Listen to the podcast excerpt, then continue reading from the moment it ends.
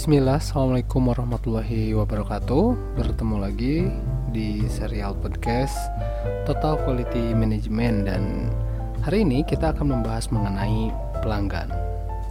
Tapi sebelum uh, kita melangkah lebih lebih jauh Saya ingin sedikit mungkin bukan meluruskan tetapi ingin mengatakan seperti ini. Ketika kita berbicara TKM intinya adalah bagaimana cara untuk meningkatkan profit bagi sebuah perusahaan. Caranya ada dua. Eh, perusahaan bisa mendapatkan profit yang pertama itu dengan cara meningkatkan kualitas, membuat produk-produk berkualitas walaupun nanti karena nanti konsekuensinya bisa jadi misalkan barang yang dijual menjadi lebih mahal sehingga yang didapatkan laba pun menjadi lebih besar. Itu yang pertama. Jadi, TKM bisa dengan cara seperti itu tuh supaya meningkatkan kualitas dari si produknya. Yang kedua, nah ini yang sering dijadikan pertanyaan juga, eh, kenapa sih gitu? Bagaimana kita menghadapi pasar yang eh, tidak begitu respon terhadap kualitas, tapi lebih respon terhadap kuantitas misalkan. Nah, TKM juga sebetulnya bisa diterapkan di dalam eh, katakanlah saya ingin mempunyai produk yang murah yang secara produk itu tidak memiliki kualitas yang sangat bagus karena mungkin masih banyak kompetitor yang memiliki uh, produk dengan kualitas yang lebih jauh lebih baik. Tetapi saya bisa tetap mendapatkan keuntungan dengan cara apa? TKM diberlakukan untuk menekan uh, biaya eh, menekan nilai atau angka defect atau gagal produksi itu menjadi lebih uh, sedikit atau bahkan near zero kan mendekati nol kalau bisa. Kalau saya kira kalau nol itu mustahil tapi mendekati nol itu bisa dilakukan. Jadi eh, ya bukan selalu TKM itu berbicara bahwa harus sesuatu yang berkualitas yang bagus bermerek dan lain sebagainya. Tetapi apa pun produksinya ketika diterapkan TKM diharapkan dia bisa uh, menekan kerusakan produk dalam proses produksinya sehingga tidak ada bahan baku yang terbuang sia-sia. Sehingga ya walaupun misalkan produknya nggak branded tapi kalau nggak ada barang yang uh, cacat semua bisa dijual kan juga itu adalah satu keuntungan. Katakanlah uh, modal saya 10.000 untuk membuat sebuah uh, untuk membuat 10 benda misalkan. Satu benda itu ya katakanlah bala-bala gitu. Saya punya modal 10.000 untuk membuat 10 bala-bala. Artinya modal satu bala-balanya adalah 1000 kalau saya menjawab menjual 2000 maka saya mendapatkan uang eh, uh, 20.000 kalau semua barangnya semua bala-bala yang saya produksi ini layak jual. Tapi kalau misalkan ada tutung tiga berarti uh, yang bisa saya jual adalah cuma 7 dan kalau 7 itu dijual berarti cuma dapat 14.000 tapi kalau saya nggak ada yang tutung gitu ya saya bisa jual semuanya dan uh, bisa mendapatkan 20.000 jadi kurang lebih seperti itu gambarannya. Kita bisa mendapatkan keuntungan dari meningkatkan uh, kualitas sehingga nanti meningkatkan daya jualnya nilai jualnya dan juga mungkin nanti akan menggeser pasarnya. Kita bermain di pasar uh, kualitas yang harganya bisa nggak masuk akal atau kita misalkan ya udah saya akan tetap bermain di pasar kuantitas sesuai dengan katakanlah kemampuan dari perusahaan kita kemampuan dari finansial perusahaan kita.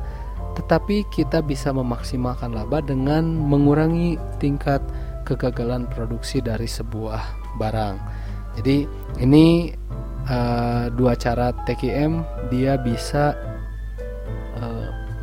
meningkatkan profit. Nah, ini paling mudah emang terlihat kalau di katakanlah di uh, produksi barang. Kalau di produksi eh, kalau di perusahaan jasa mungkin tidak begitu terlihat tapi memang ada. Nah, TKM itu untuk apa jasa ya? Bagaimana caranya bisa mendeliver jasa dengan baik? Karena kalau jasa katakanlah ada effort yang dikeluarkan, ada waktu yang dihabiskan ya jangan sampai waktu itu juga terbuang uh, percuma gitu. Jadi itu tadi uh, dan terserah gitu. Kalaupun kita misalkan mempunyai usaha kita mau mau ambil jalur yang mana gitu. Dan uh, sebetulnya tidak ada yang salah. Misalkan katakanlah saya ingin menyasar pasar-pasar uh, kelompok atas yang katakanlah kelompok-kelompok kualitas yang suka barang-barang berkualitas selama memang saya mampu untuk menjangkaunya perusahaan saya mampu yang nggak ada salahnya gitu. Kita bisa di sana. Atau misalkan perusahaan saya hanya mampu untuk menjangkau pasar-pasar yang murah tapi bagus atau murah tapi bagus bukan murah tapi bagus ya murah tapi banyak misalkan. Ya nggak masalah juga nggak salah juga gitu. Nggak nggak nggak mesti juga kita memaksakan sampai oh yaudah saya harus nge ngepush nih kualitasnya supaya lebih maksimal tapi di satu sisi malah merugikan perusahaan. Nggak juga tapi kita bisa tetap bermain di situ tapi kita usahakan misalkan barang itu 99% pasti keluar dari perusahaan sudah lolos quality control dan lain sebagainya lah misalkan.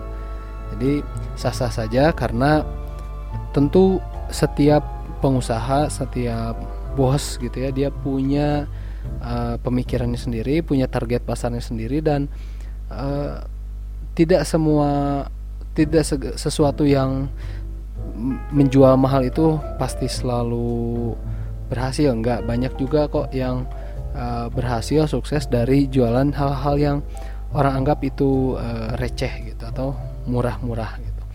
Jadi kurang lebih seperti itu aja. Yang yang mungkin bukan perlu diluruskan perlu saya sampaikan sebagai bentuk biar pemahaman kita nggak nggak mengenai mutu ini seolah-olah bahwa ketika berbicara mutu kita harus selalu sesuatu yang uh, bagus gitu memang uh, idealnya seperti itu, tetapi TKM ini uh, memberikan dua alternatif dan silahkan untuk dipilih kalaupun ada yang ingin berusaha, ada yang ingin membuka usaha, uh, jangan gara-gara apa belajar TKM ini menjadi beban bahwa oh saya berarti produk ini harus maksimal. Kalau bisa mah enggak.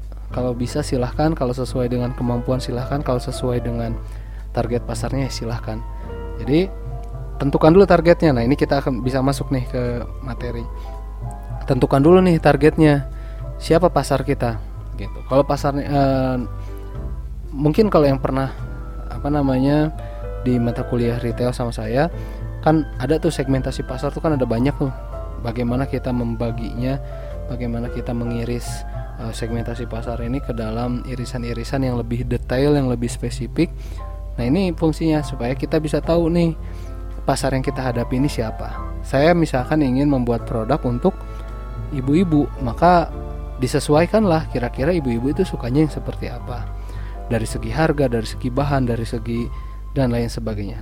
Lalu setelah dihitung apakah masuk masih ada margin untuk saya mendapatkan keuntungan atau enggak ya kalau masih ada silahkan gitu. Kalau enggak ya jangan karena perusahaan itu didirikan untuk mendapatkan keuntungan kan. Bukan bukan organisasi atau nirlaba yang uh, ya bagi-bagi aja gitu. Enggak kita perusahaan itu pada dasarnya adalah untuk mencari keuntungan. Jadi harus tahu dulu nih uh, pelanggan yang akan jadi pelanggan kita siapa yang akan menjadi customer kita siapa. Uh, nah dari situlah baru kita bisa menyesuaikan makanya proses marketing itu sebetulnya memang tidak dimulai uh, bukan bukan pas datang ke toko nawarin produk itu hanya salah satu bagian dari uh, rangkaian marketing yang sangat panjang gitu. Bahkan marketing itu dari awal, dari menentukan segmentasi pasarnya siapa, dari menentukan value apa yang ingin kita bawa, dari bagaimana nanti diproduksinya, bagaimana menjaga produksi ini biar ya itu semua marketing gitu. Cuman memang kita kadang lebih pengen mudah aja bahwa marketing itu adalah menawarkan produk dari yaitu selling gitu penjualan gitu. Nah marketing itu enggak kita harus tahu dulu marketnya siapa baru barang yang kita tawarkannya seperti apa. Kenapa sih kita harus tahu dulu pelanggan kita? Karena kalau menurut saya ya karena memang persaingan di dunia sudah makin ketat sudah makin banyak gitu orang sudah mudah membuka usaha, orang sudah mudah mendapatkan produk yang lain dan produk banyak which is good gitu ya untuk uh, persaingan usaha kalau memang ada positifnya banyak. uh, orang berlomba-lomba untuk meningkatkan kualitas, orang berlomba-lomba untuk meningkatkan kreativitas, meningkatkan fungsi dan lain sebagainya, sehingga uh, produsen makin banyak, pasar mungkin tidak begitu bertambah luas karena sama-sama berebut lahan di uh, lingkungan yang sama.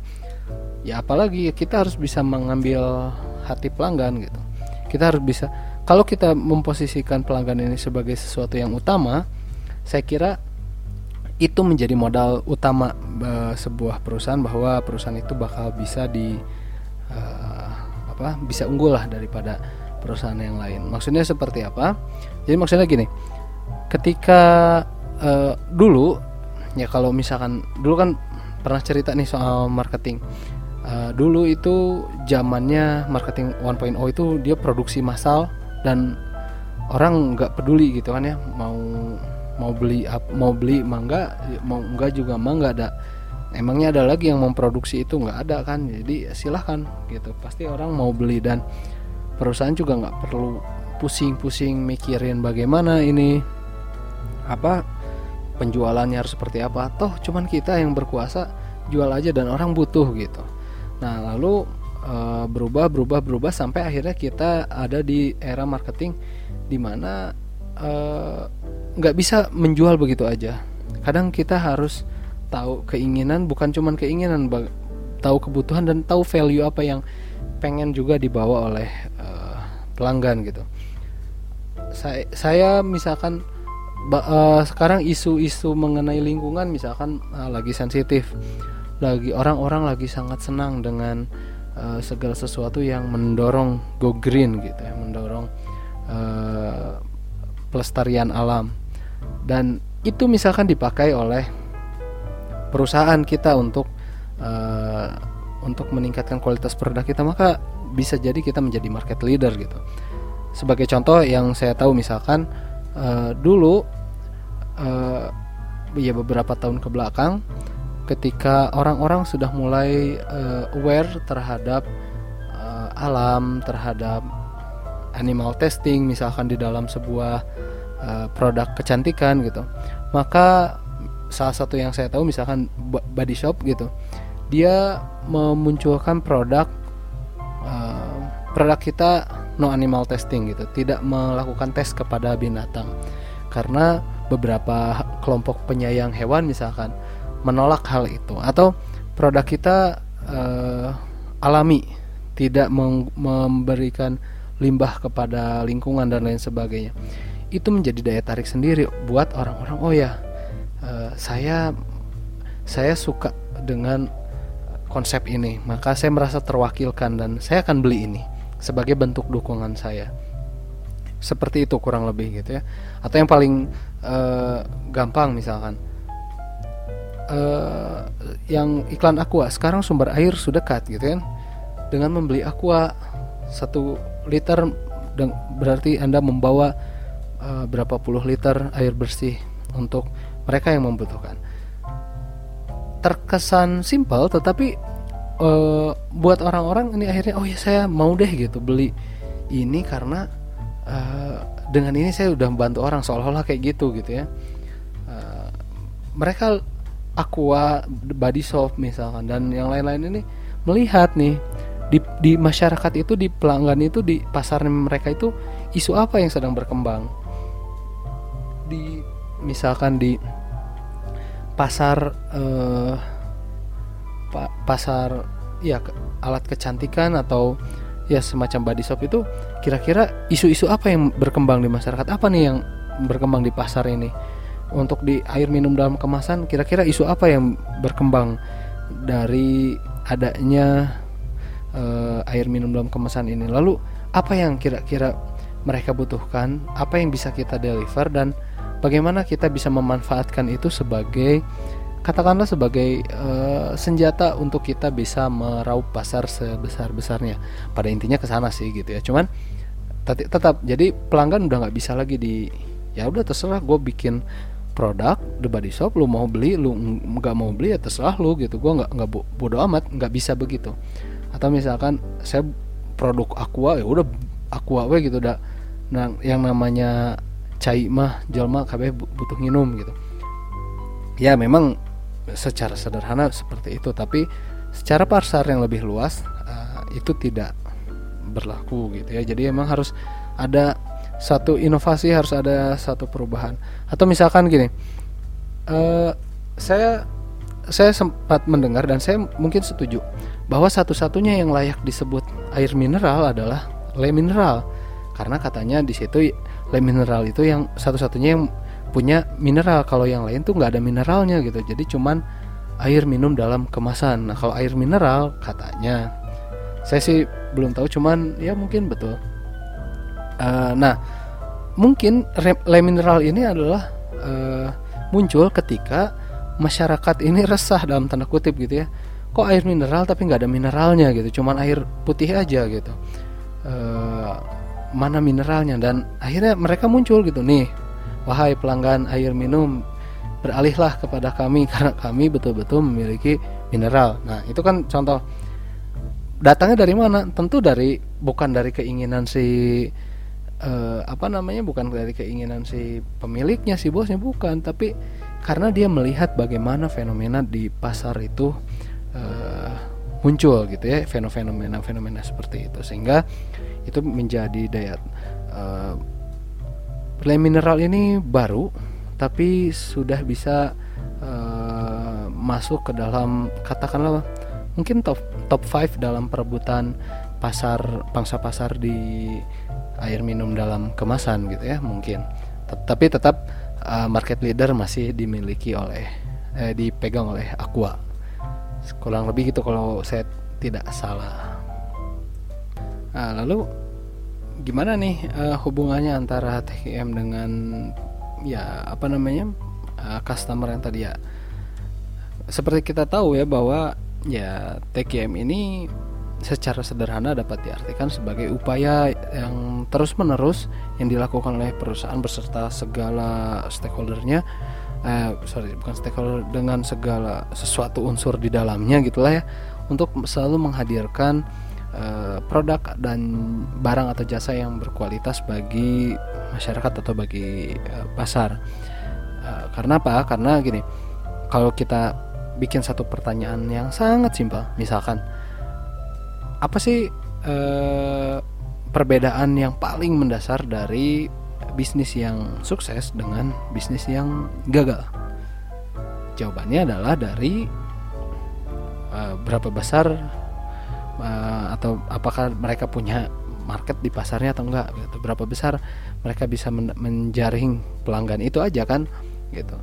Uh, mau bukan dari gedung ya tentu bisa ya dilihat dari gedung dari keuangan dan lain sebagainya tapi pada dasarnya kan itu gitu dari lihat aja kira-kira perusahaannya ada pelanggannya enggak gitu produknya itu ada yang beli apa enggak? Ya jasanya itu ada yang pakai atau enggak? Ya kalau enggak berarti gagal gitu. Karena ya orang bikin produk itu kan untuk dibeli orang bikin jasa itu kan untuk dipakai oleh orang lain.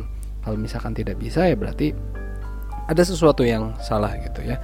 Nah eh, tentu pertanyaannya adalah gini bagaimana mungkin pelanggan ini bisa balik lagi ke perusahaan kita, bisa balik lagi membeli produk kita, bisa beli lagi ke toko kita kalau uh, kita tidak bisa melayani dengan baik atau uh, kita tidak bisa memberikan barang yang dijanji sesuai yang dijanjikan. Katakanlah misalkan uh, saya membuat produk uh, deterjen anti noda misalkan. Sekali kucek bersih, ternyata mesti kucek sebarang kali gitu bersih bersih misalkan.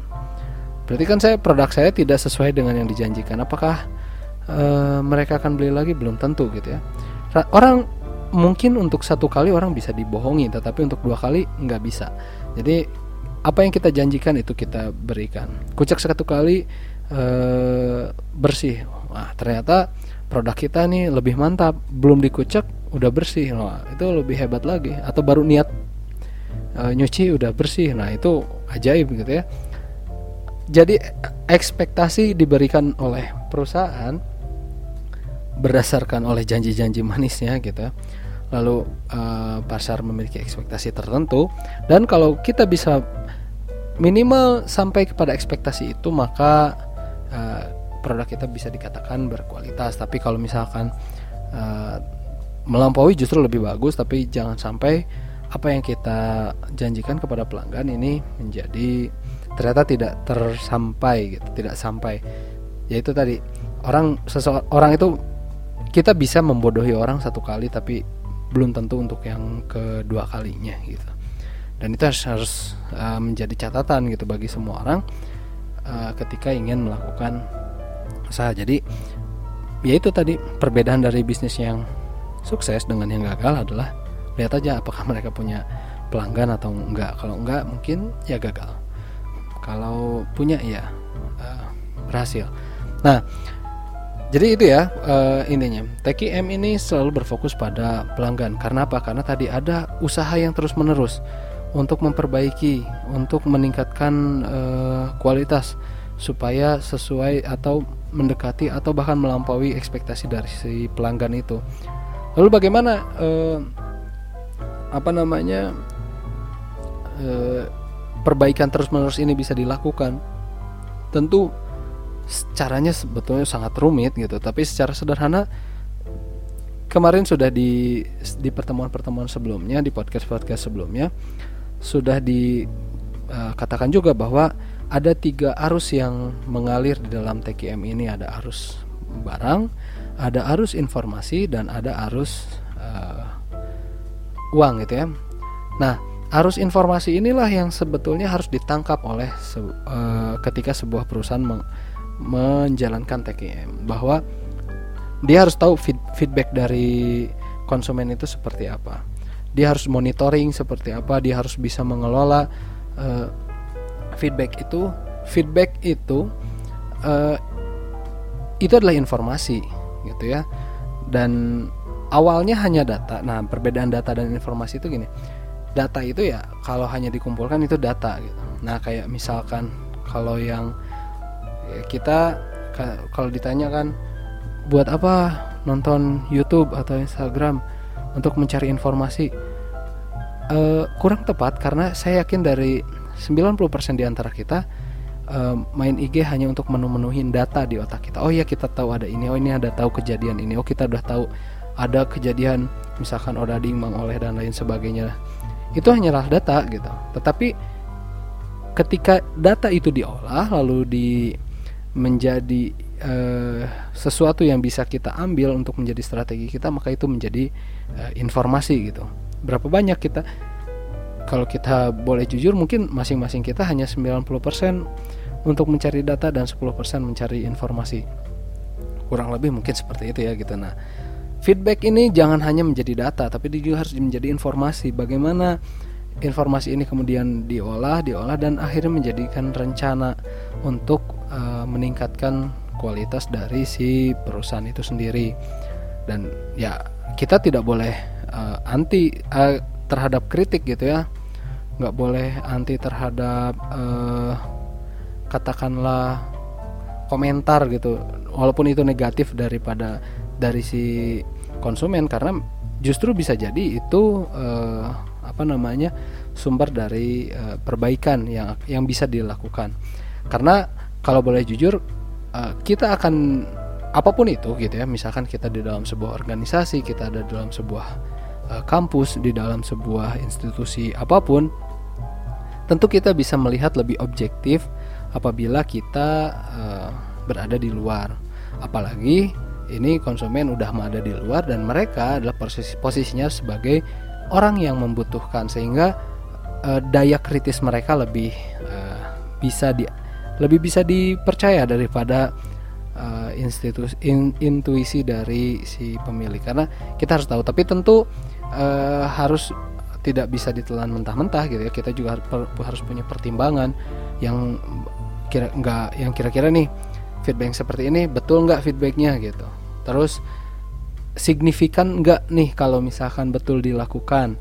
Dan uh, apa namanya kira-kira bisa membebani nggak? Atau nggak kira-kira uh, bakal tetap menghasilkan keuntungan atau enggak gitu? Misalkan dengan uh, harga jual yang sama dan lain sebagainya gitu. Apakah misalkan masih bisa? Nah kalau enggak ya tentu harus ada strategi lain. Nah harus ada informasi balik misalkan kepada masyarakat dan lain sebagainya ya jadi seperti itu tentu uh, balik lagi kepada perusahaannya masing-masing karena kalau di tidak menghasilkan keuntungan ya berarti bukan TKM namanya gitu. Lalu kira-kira gimana sih cara biar kita bisa tahu uh, kepuasan konsumen itu seperti apa? Uh, banyak cara ya gitu, mulai dari yang paling simpel sampai yang paling rumit sekalipun.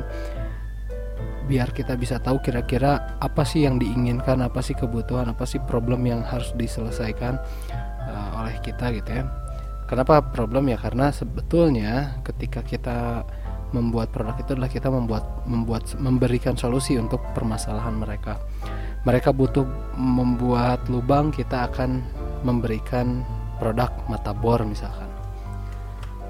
Jadi bagaimana kita bisa tahu? Yang pertama atau misalkan bagaimana e, caranya biar e, kita bisa tahu bahwa pro konsumen ini puas dengan apa yang telah kita sampaikan gitu ya produk apa yang telah kita sampaikan yang pertama tentu kita bisa menggunakan uh, apa feedback yang yang biasa gitu ya misalkan puas atau tidak puas kalau misalkan ada yang pernah jajan ke Indomart Alfamart.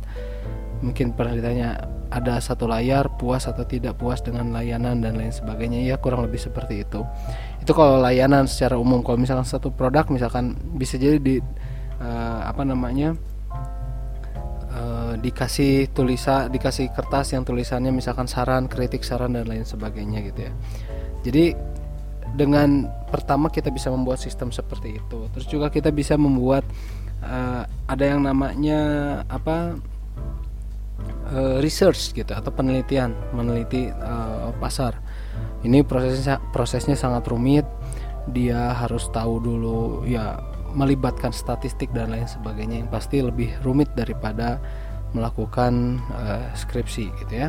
Jadi kalau yang ada yang sudah bermimpi ingin mengerjakan skripsi uh, ada yang lebih rumit dari skripsi. Jadi jangan takut. Jadi gitu ya, melakukan uh, riset pasar gitu. Cara terbaik ya itulah riset pasar gitu. Dia bisa tahu uh, nanti konsumen segmentasinya seperti apa, terus juga kebutuhannya apa, daya belinya seperti apa dan lain sebagainya. Terus juga bisa juga survei itu dilakukan oleh uh, kepada uh, kon, kons, kons, uh, konsumen yang baru dan konsumen yang pindah haluan gitu ya. Misalkan gini, ketika katakanlah kita mau memasang sebuah layanan Eh, kita pelanggan baru biasanya sih ditanya gitu kenapa anda memilih produk kami? dan lain sebagainya. Itu adalah salah satu uh, dasar bagaimana sebuah perusahaan bisa memetakan keinginan atau kebutuhan dari konsumen. Kenapa uh, memilih kami dan lain sebagainya gitu. Terus juga atau konsumen yang pergi gitu nah biasanya ya kayak tadi misalkan saya mau memil mencabut IndiHome nih misalkan. Ada nanti ada kuesionernya uh, misalkan atau saya ingin menutup layanan tertentu dari uh, dari berlangganan tertentu biasanya nanti di akhir juga ada. Ya kalau kalau perusahaannya concern gitu ya terhadap sebuah terhadap konsumen gitu. Nanti di akhir juga ada semacam pertanyaan gitu ada semacam uh, survei kenapa anda menghentikan layanan kami? Mana yang harus ditingkatkan dan lain sebagainya? Bahkan jangankan itu uh, kalau misalkan software-software di komputer juga misalkan kan seperti itu kalau mau uninstall kenapa mau di uninstall gitu? Nah itu feedback itu yang nantinya akan menjadi dasar informasi bagi sebuah perusahaan untuk memperbaiki layanannya. Supaya ya orang tuh jangan pergi gitu. Karena yang lebih susah dari mendapatkan pelanggan itu adalah mempertahankan pelanggan yang sudah ada gitu. Siap tadi sebelumnya juga sudah dikatakan bahwa kita bisa dalam tanda kutip ya membodohi orang sekali. Jadi ngebodohin orang mah gampang tapi ngebodohin orang dua kali mah susah karena orang sudah lebih aware. Kita bisa aja langsung dapat pelanggan kita buka toko kita buka produk langsung dapat pelanggan. Tapi sekalinya pelanggan itu kecewa dia nggak akan balik lagi gitu. Jadi bagai nah inilah fungsinya gitu. Jadi bagaimana kita uh, bisa tahu ya itu tadi dengan survei. Apa sih yang membuat dia mereka tertarik? Nah itu kita tingkatkan. Mungkin itu adalah nilai uh, kelebihannya. Apa yang bisa membuat apa sih yang membuat mereka akhirnya pergi? Ya kalau misalkan hal-halnya yang berkaitan dengan pribadinya ya kita tidak bisa uh, ikut campur gitu ya. Misalkan pindah alamat dan lain sebagainya. Tapi kalau misalkan karena tidak puas dengan layanannya atau ada layanan yang lebih baik nah tentu itu harus menjadi uh, dasar pertimbangan gitu ya. Kenapa bisa menjadi uh, seperti itu gitu. dan uh, ya sebetulnya masih banyak cara gitu. Ada yang misalkan uh, ada juga yang namanya ghost shopping gitu. Jadi uh, kita membayar orang seseorang untuk dia itu pura-pura uh, belanja gitu di sebuah organisasi atau membeli sebuah produk ya untuk mata-matain gitu kira-kira dia itu produknya seperti apa. Terus of produk mereka kok rame gitu kita beli deh gitu. Kita mata-matain kenapa mereka bisa begitu. Dan itu orang profesional gitu untuk memata-matai gitu. Dan hasilnya menjadi yaitu menjadi dasar sebuah uh, apa namanya informasi juga gitu. Cuman ya cara yang seperti itu saya kira terlalu walaupun memang banyak dilakukan gitu ya. Uh, saya sendiri pernah melakukan itu gitu. Saya waktu awal-awal membuka misal uh, membuka toko waktu itu saya coba untuk pura-pura belanja ke toko yang lain misalkan uh, beli barang yang sama cuman buat tahu harganya di sana berapa kenapa bisa laku di sini dan lain sebagainya. Uh, dan ya saya akhirnya oh tahu dasar dari dasar informasi itu saya akhirnya membuat kebijakan tertentu saya harus seperti ini. Uh, menetapkan harganya harus seperti ini dan lain sebagainya. Jadi intinya sih banyak cara dari yang cara yang paling aneh mungkin dari cara yang paling rumit sampai cara yang sederhana sekalipun uh, kita bisa melakukan uh, apa namanya uh, penggalian informasi dari konsumen bagaimana konsumen itu bisa dipuaskan. Tentu kita juga harus melihat uh, perusahaan kita ini skalanya seperti apa. Kalau kita skalanya skala besar nggak mungkin kan cuma nanya cuman samplingnya dari beberapa orang kan nggak mungkin. Kita semakin besar perusahaan tentu akan semakin rumit juga uh, bagaimana cara menganalisis dan cara mengumpulkan informasinya. Karena ya memang seperti itu gitu ya itu wajar gitu. Uh, kalau ibaratnya gini kalau ngedorong gerobak mah eh, nggak uh, usah belajar gitu. Dorong aja asal punya kekuatan dan kemauan gitu tapi kalau mau mendorong apa namanya eh atau menjalankan helikopter ya ilmu aja nggak cukup dia harus punya lisensi dan lain sebagainya. Jadi so seperti itulah. Bisnis kita juga apa kalau bisnisnya masih kecil nggak perlu melakukan riset besar-besaran. Karena bukannya tidak bagus tapi lebih kepada efisiensi. Apakah efisien atau efektif melakukan uh, riset? Karena riset ini dia membutuhkan uang ya mengeluarkan uang gitu. Uh, memakan dana yang tidak sedikit gitu. Dengan riset jutaan atau bahkan mungkin miliaran hanya untuk uh, menjual produk yang uh, murah gitu kan. Atau yang skopnya mungkin hanya di kota satu kota Bandung aja misalnya ya itu juga tidak uh, ya tidak efektif gitu tidak efisien juga buat apa gitu. Ya tapi kalau misalkan kita perusahaannya perusahaan multinasional perusahaan nasional produknya di mana-mana ya tentu nggak boleh asal-asalan dalam melakukan uh, analisis karena hasilnya juga harus benar gitu. Karena pasar yang dihadapi uh, lebih luas dan lebih kompleks daripada perusahaan-perusahaan yang skopnya hanya kota atau mungkin kecamatan gitu. Nah itu mah bikin survei singkat aja. Mana yang nggak laku jangan diproduksi. Mana yang laku produksi. Selesai misalkan gitu ya. Gitu kurang lebih tapi secara sederhana juga sih kita sebetulnya bisa bikin apa ya eh, parameter-parameter kita bisa menentukan parameter-parameter yang secara umum orang pasti memikirkan ini ketika berbicara mengenai kepuasan terhadap satu produk gitu ya. Nah, kalau produknya itu berbentuk barang gitu ya. Biasanya ya kepuasan itu dihitungnya dari masalah uh, keandalan gitu ya tangguh nggak nih barangnya? Kuat nggak gitu? Tahan lama atau enggak gitu ya? Durable gitu reliable gitu. Terus juga me, kemudahan untuk digunakannya gitu. Kan ada barang yang bagus tapi rumit ada yang barangnya uh, bagus tapi gampang di apa namanya dioperasikan itu juga menjadi suatu uh, kepuasan gitu terhadap suatu produk gitu ya. Kan kalau ada oven misalkan yang tinggal tet pijit langsung jadi juga orang senang gitu daripada yang harus banyak pengaturan dan lain sebagainya. Uh, terus juga apakah bisa dipakai dalam beberapa situasi gitu yang uh, tentu kita kadang juga menyukai misalkan produk yang uh, masuk ke sana sini gitu. Untuk beli sepatu yang uh, casual bisa uh, sporty bisa misalkan kalau ada gitu ya dan tentu tentu juga sesuai dengan seleranya dia gitu ya. Uh, sesuai dengan preferensinya dia. Dan yang paling utama juga biasanya masalah estetis estetikanya. Kira-kira bagus nggak nih barangnya? Desainnya lucu nggak kalau perempuan misalkan? Warnanya dan lain sebagainya. Kalau dari barang sih kurang lebih seperti itu parameter-parameter uh, bahwa yang namanya barang itu bisa memuaskan. Lalu kalau layanan seperti apa? Ya kalau layanan mah uh, dari misalkan uh, friendly gitu si pemberi layanannya friendly itu apa? Uh, ramah gitu orangnya ramah terus juga sopan terus juga uh, tidak meng ya tidak mengumbar-ngumbar janji yang uh, tidak mungkin dipenuhi gitu ya. Terus juga jujur dia terhadap semua layanannya. Dan ada kemauan untuk mendengarkan uh, keluhan konsumen gitu ya. Dan responnya kurang lebih yang seperti itu. Yang uh, biasanya akan membuat uh, sebuah layanan ini menjadi uh, memuaskan untuk se seorang konsumen. Nah, uh, itu saja kurang lebih uh, untuk serial podcast kali ini uh, mengenai bagaimana fokus pada pelanggan.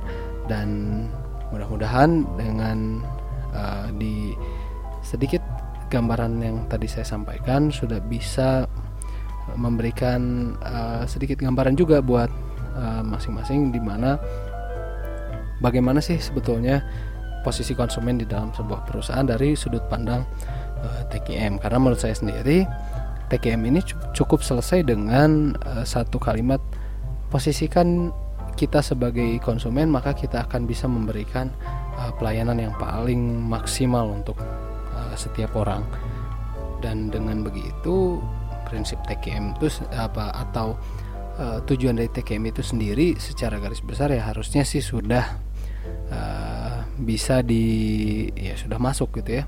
Jadi cukup itu aja posisikan diri kita sebagai konsumen secara sederhana sih kalau menurut saya sih begitu. Bagaimana kita ingin diperlakukan uh, maka uh, kita juga memperlakukan itu kepada orang lain. Dan ya orang juga kan begitu kalau saya ingin misalkan saya ingin diperlakukan jujur maka saya juga harus jujur pada orang saya tidak ingin misalkan disakiti oleh orang lain maka saya juga tidak boleh menyakiti orang lain dan di sebuah perusahaan juga seperti itu kalau kita memposisikan sebagai pelanggan saya ingin mendapatkan produk terbaik maka perusahaan akan berusaha untuk memberikan produk yang uh, terbaik saya ingin mendapatkan layanan yang terbaik maka saya pun akan berusaha memberikan pelayanan yang terbaik secara mindsetnya seperti itu prakteknya rumit Terima kasih telah mendengarkan. Uh, mohon maaf apabila ada yang tidak berkenan. Semoga bisa diambil uh, pelajarannya dan uh, jika ada yang didiskusikan, silahkan untuk didiskusikan. Semoga kita sehat selalu dan sampai jumpa di pertemuan yang selanjutnya. Assalamualaikum warahmatullahi wabarakatuh.